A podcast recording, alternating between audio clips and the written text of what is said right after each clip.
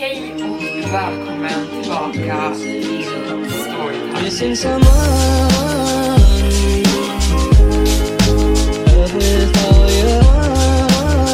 Hej och välkommen tillbaka till Storytime-podden. Idag kommer ett kortare extra avsnitt och på söndag kommer ett längre avsnitt av podden. Detta för att jag har varit lite tyst i poddformatet här på senaste och jag vill bara berätta att jag nu kör igång med uppladdningar igen och idag kommer ett stalker-avsnitt. På söndag kommer ett väldigt, väldigt spännande avsnitt som ni inte vill missa. Men nu sätter vi igång. Jag har en hemlig beundrare på jobbet och deras hemliga brev har tagit en mörk vändning. Varje gång jag hittade en ny gul jäkla post-it-lapp på min dator visste jag att det skulle bli en dålig dag. Min hemliga beundrare hade den effekten på mig. Först hade lapparna börjat ganska charmiga. Några artiga kommentarer om min outfit. En lapp om hur söt och fin min personlighet var. Och alltid signerat puss längst ner på lappen. Som en lågstadie-crush. Det blev en liten ego-boost. Men jag var lyckligt gift redan. Min fru Emily och jag hade haft en jobbig period några år tillbaka efter att jag hade haft en affär och varit otrogen.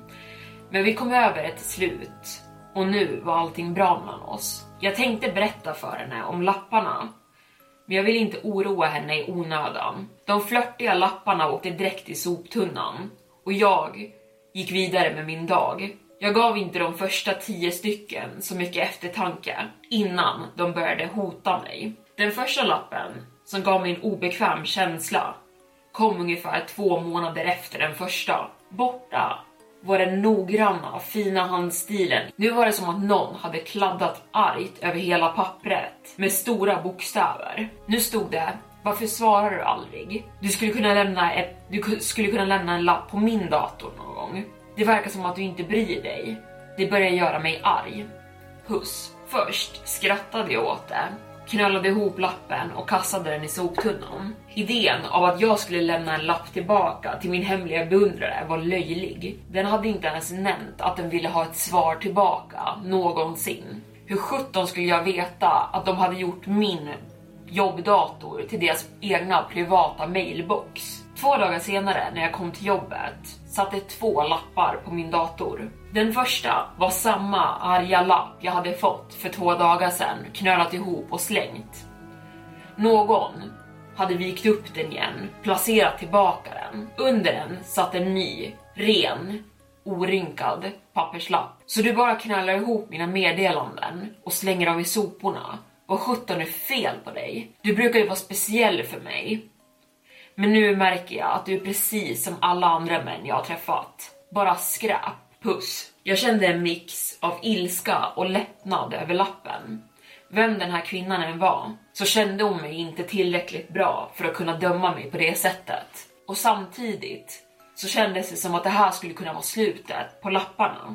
Den gången la jag ner lapparna i min ficka istället och gick istället och slängde dem efter jobbet i en soptunna när jag skulle åka hem. Vem som än lämnade dem så hade den koll på min soptunna på jobbet. Och om jag nu hade tur så skulle de komma över sin besatthet och gå vidare. Men sån tur hade jag inte.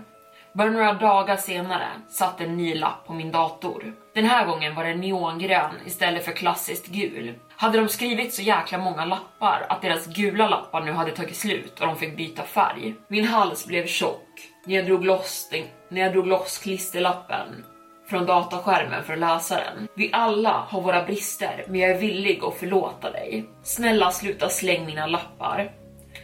De här små stunderna betyder så mycket för mig och det, och det sårar mig att du inte känner samma. Det är okej okay dock. Dina känslor för mig kommer förändras över tid. Och om de inte gör det så kanske jag måste skada någon. Puss. Jag tog direkt lappen till min chefs kontor. En av våra avdelningschefer läste den och hennes ögonbryn lyftes upp när hon höll ut lappen framför sig av förvåning. Hon placerade lappen på sitt skrivbord framför sig och drog av sig sina läsglasögon. Hur länge har det här för sig gått, Paul? Frågade hon mig i en bekymrad ton. Jag är inte riktigt säker, sa jag medan jag, medan jag kliade mig för huvudet. De har lämnat ett dussintal vid det här laget. Två dussin kanske. Har ni säkerhetskameror på våningen? Nej, sa hon medan hon skakade sitt huvud långsamt. Inga kameror, är jag rädd. Det är för dyrt. Samma anledning till varför de hade fått sparka säkerhetsvakten vi tidigare haft på jobbet. Resultatet av pandemin och budgetnedskärning. Hon gav mig en sympatisk blick och sa åt mig att komma direkt till henne om jag fick några fler lappar. Jag nickade och sa åt henne att jag skulle göra det. Vi båda förstod att det här var det första mötet av flera vi skulle behöva ha på den här frågan. De kommande veckorna fick jag ta flera turer till min chefs kontor för att rapportera de nya lapparna som kom. De tjatade ändlöst om hur hjärtlös jag var och hur arg jag hade gjort dem och de våldsamma sakerna den skulle göra mot mig om jag inte svarade snart. Det började bli utmattande. Förra veckan när jag kom till jobbet satt en neonrosa lapp på min dator. Det var bristningspunkten. Lapparna behövde sluta. Cheferna visste inte vem som lämnade dem och min arbetsplats gjorde ingenting för att stoppa dem heller. Och vid det laget skulle jag gjort vad som helst för att få ett slut på det. Och den här lappen erbjöd mig ett alternativ. Jag förstår. Du är inte intresserad. Jag ska backa. Men bara om du träffar mig ikväll. Jag kommer vara på den femte våningen i parkeringsgaraget nära utgången till ditt jobb. Prick klockan åtta. Var inte sen. Klockan var 19.58 när jag klev ut ur hissen ut på den femte våningen i parkeringsgaraget. Mitt hjärta bultade hårt i min bröstkorg och svett rann ner för min rygg. När jag såg utanför hissen hade jag en klar översyn över parkeringsgaraget mot trappan på andra sidan. Ingen var där, så jag klev ut längre från hissen och började se mig om om jag kunde, om jag kunde få syn på personen. Plötsligt märkte jag ett rött ljussken i skuggan precis vid dörren. Någon stod och rökte en cigarett i mörkret. Musklerna i min kropp spändes till medan jag sakta närmade mig personen. Min hemliga beundrare var här, ståendes där i mörkret. Hallå? ropade jag ut. Rök kom från mörkret. Det är Paul. Du ville träffa mig? En kvinna klev ut ur skuggan och slängde cigaretten vid hennes fötter medan hon stampade på den med sin fot. Hon hade en pistol i sin vänstra hand. Det var min fru, Emily. Emily, frågade jag. Vad i helvete gör du? Jag lämnade lapparna som ett test. Några dagar i månaden åkte jag förbi ditt jobb, smög in och lämnade dem på din dator. Jag antar att städpersonalen tror att jag jobbar där, sa hon medan tårar flödade ner för hennes ansikte. Jag trodde efter alla problem vi hade med din affär så skulle du berätta för mig om någon försökte stjäla dig igen. Du lämnade lapparna, stammade jag fram. Vad sjutton är fel på dig? Jag ville vara säker på att du aldrig skulle försöka träffa en annan kvinna igen, sa hon medan hon lyfte upp pistolen och, höll och riktade den mot mig. Men det gjorde du. Här är du. Och försök, försöker träffa någon enkel person. Emily, du kan inte vara seriös, skrek jag. Jag kom hit för att få dig att sluta. Varför gör du det här? Jag visste att du skulle komma, men hon blev avbruten av polissirener i distansen. Hon såg bort mot distansen när bl där blått och rött nu flashade. Ringde du polisen? Jag nickade. Såklart jag gjorde, utbrast jag.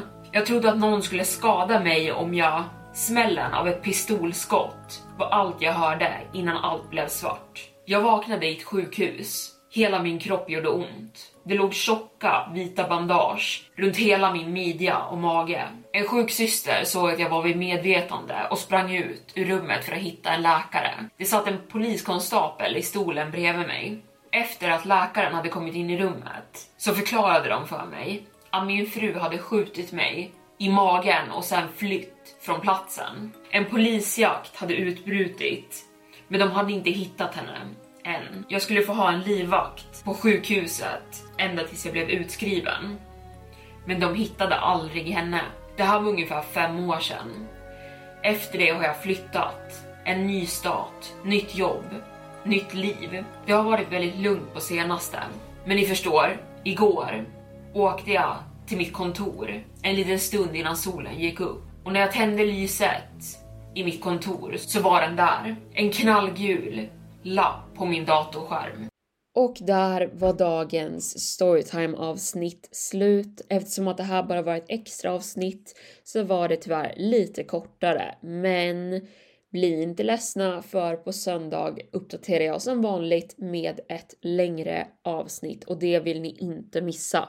Slå gärna på notiser på podden om ni inte har redan har gjort det.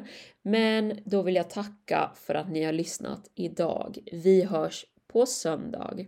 Hej då! Head over to Hulu this March, where our new shows and movies will keep you streaming all month long. Catch the award winning movie Poor Things, starring Emma Stone, Mark Ruffalo, and Willem Dafoe. Check out the new documentary, Freaknik The Wildest Party Never Told, about the iconic Atlanta Street Party. And don't miss FX's Shogun, a reimagining of the epic tale, starring Anna Sawai. So, what are you waiting for? Go stream something new on Hulu.